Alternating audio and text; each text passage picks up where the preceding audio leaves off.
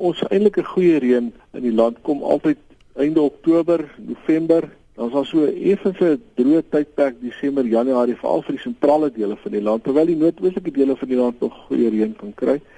En dan is daar weer goeie reënval wat verwag word gewoonlik. Dit is die gemiddeld Februarie, Maart, veral vir die Vrystaat, die Suidwes-Vrystaat en die Noord-Kaap. So dit is die tendens normaalweg.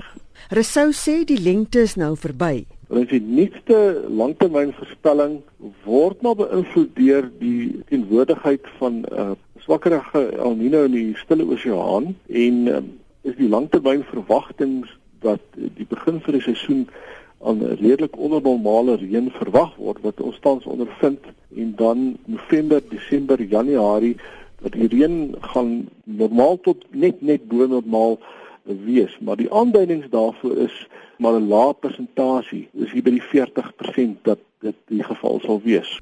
Hy sê ook die reënpatroon oor die afgelope 100 jaar bly konstant.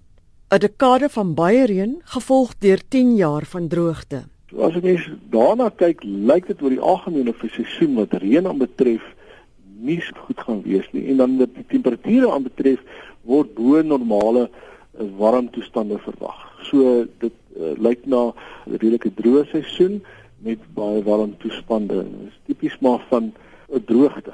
Nietemin uit ervaring weet ons ook dat dis te sê dat landboutoestande nie gaan goed wees nie want as ons die kere wat ons reën kry, is dit net op die regte tyd val. In droër tye is dit belangrik om water spaarsamig te gebruik, sê Resou. Die mense kan aanbeveel is dat die mense jou veral boorgate goed sorg, dorpe wat afhanklik is van boorgate of wat so weet hulle voorrade nie voldoende is nie dat hulle begin kyk na hulle boorgate, die boorgate getoets word en weet dat reg is dat hulle kan terugval eh, as hulle vader wil voorraad hê al vir die klein dorpie.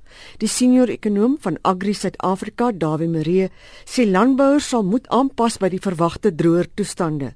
Hy sê dit begin by bestuurspraktyke wat waterbeheer insluit. Baie van die boere is al reeds besig om byvoorbeeld te kyk as mens in die mieliebedryf byvoorbeeld kyk na minimum bewerking om soveel as moontlik grondvolg wat beskikbaar is te bewaar. Dan moet ons aanpas in die rigting van droogtebestande kultivars wat ons ook al redelik goeie navorsing en goeie tegnologie beskikbaar het in Suid-Afrika danksy die groot maatskappye wat betrokke is daarbey.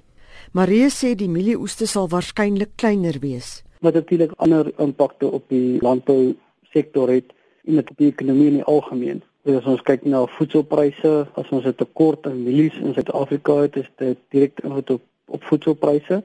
Maar gelukkig het ons die afgelope paar jaar goeie oeste gehad en ons het 'n goeie oordragvoorraad wat ons kan verwag vir die volgende jaar. Die senior ekonom by Agri SA, Dawie Maree, Mitsi van der Merwe in Johannesburg.